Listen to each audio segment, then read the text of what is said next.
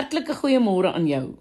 Nou kyk, as ek die duiwel was, sou ek baie teleurgesteld gewees het nou in jou.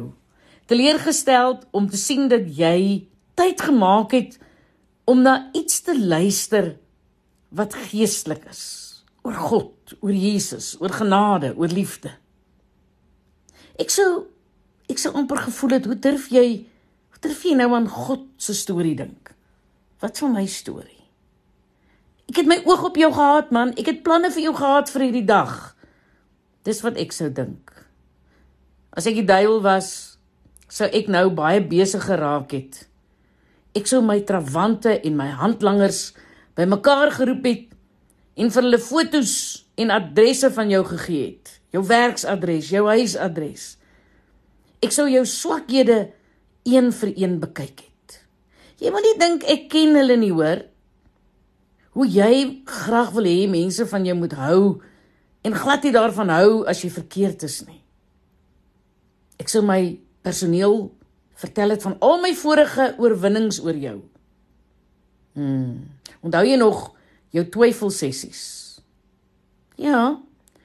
Ek het jou byna oortuig dat 'n paar van die dinge wat jy geglo het nie die waarheid is nie. Kan jy onthou? Haar die sogenaamde geloof in God se woord. Ek sou in jou gedagtes insluip. Ek sou jou natuurlik glad nie regstreeks aangeval het nie want daarvoor is jy te slim. Kyk, heksery en towerkuns werk nie met jou soort nie. Nee. As ek die duiwel was, sou ek jou aftakel met vrae. Ek sou gevra het, "Hoe weet jy dit? En hoe bedoel hulle nou en Hoe weet jy regtig dit? En hoe weet jy dat Jesus uit die dood uit opgestaan het? En is jy seker jy glo in die evangelie en ag, is die absolute waarheid nie 'n verouderde konsep nie? Jy, jy 'n kind van God. Kom aan man. Ek sal jou dalk na een van my kerke toe gestuur het. Ja. Een van my voel goed. Jy is goed. Jong, alles is goed kerke. Dis amper soos Hollywood. Dis ook deels motiveringspraatjies. Dis glans en is ligte en is liefde. Maar nie 'n woord oor Jesus nie. Nie 'n woord oor sonde of die hel of vergifnis nie. Ek sou jou versmoor het met beloftes van salarisverhogings, 'n nuwe motor en nog wat. Maar wag, jy's eintlik ook te skerp vir daardie strategie. Nee, nee. Met jou sou afleidings dalk beter werk. Ja.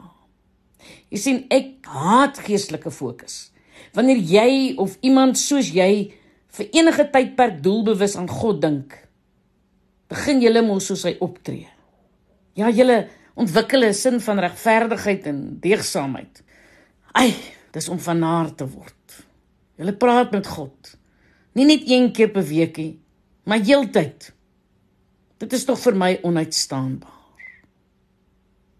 Ek sou my dus in elke hoekie en trap van jou wêreld tuis gemaak en aangedring het op jou aandag en ek sou jou so besig gehou het dat jy by niks anders kon uitkom nie. Ek sou jou moedeloos gemaak het. Ek sou jou laat fokus het op die uitdagende dinge van die lewe.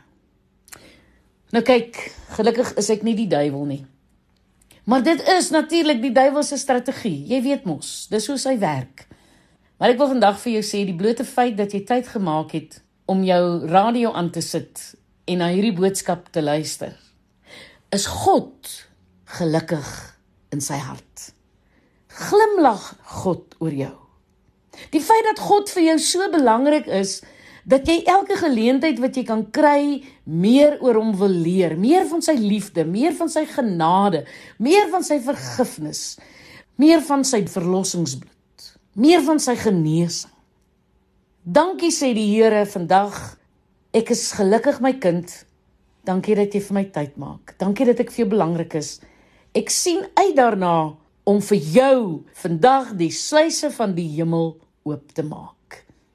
Geniet die liefde, die genade en die vrede en die voorsienigheid van die Here. Ek is Lenet Beer vir Radio Kansel.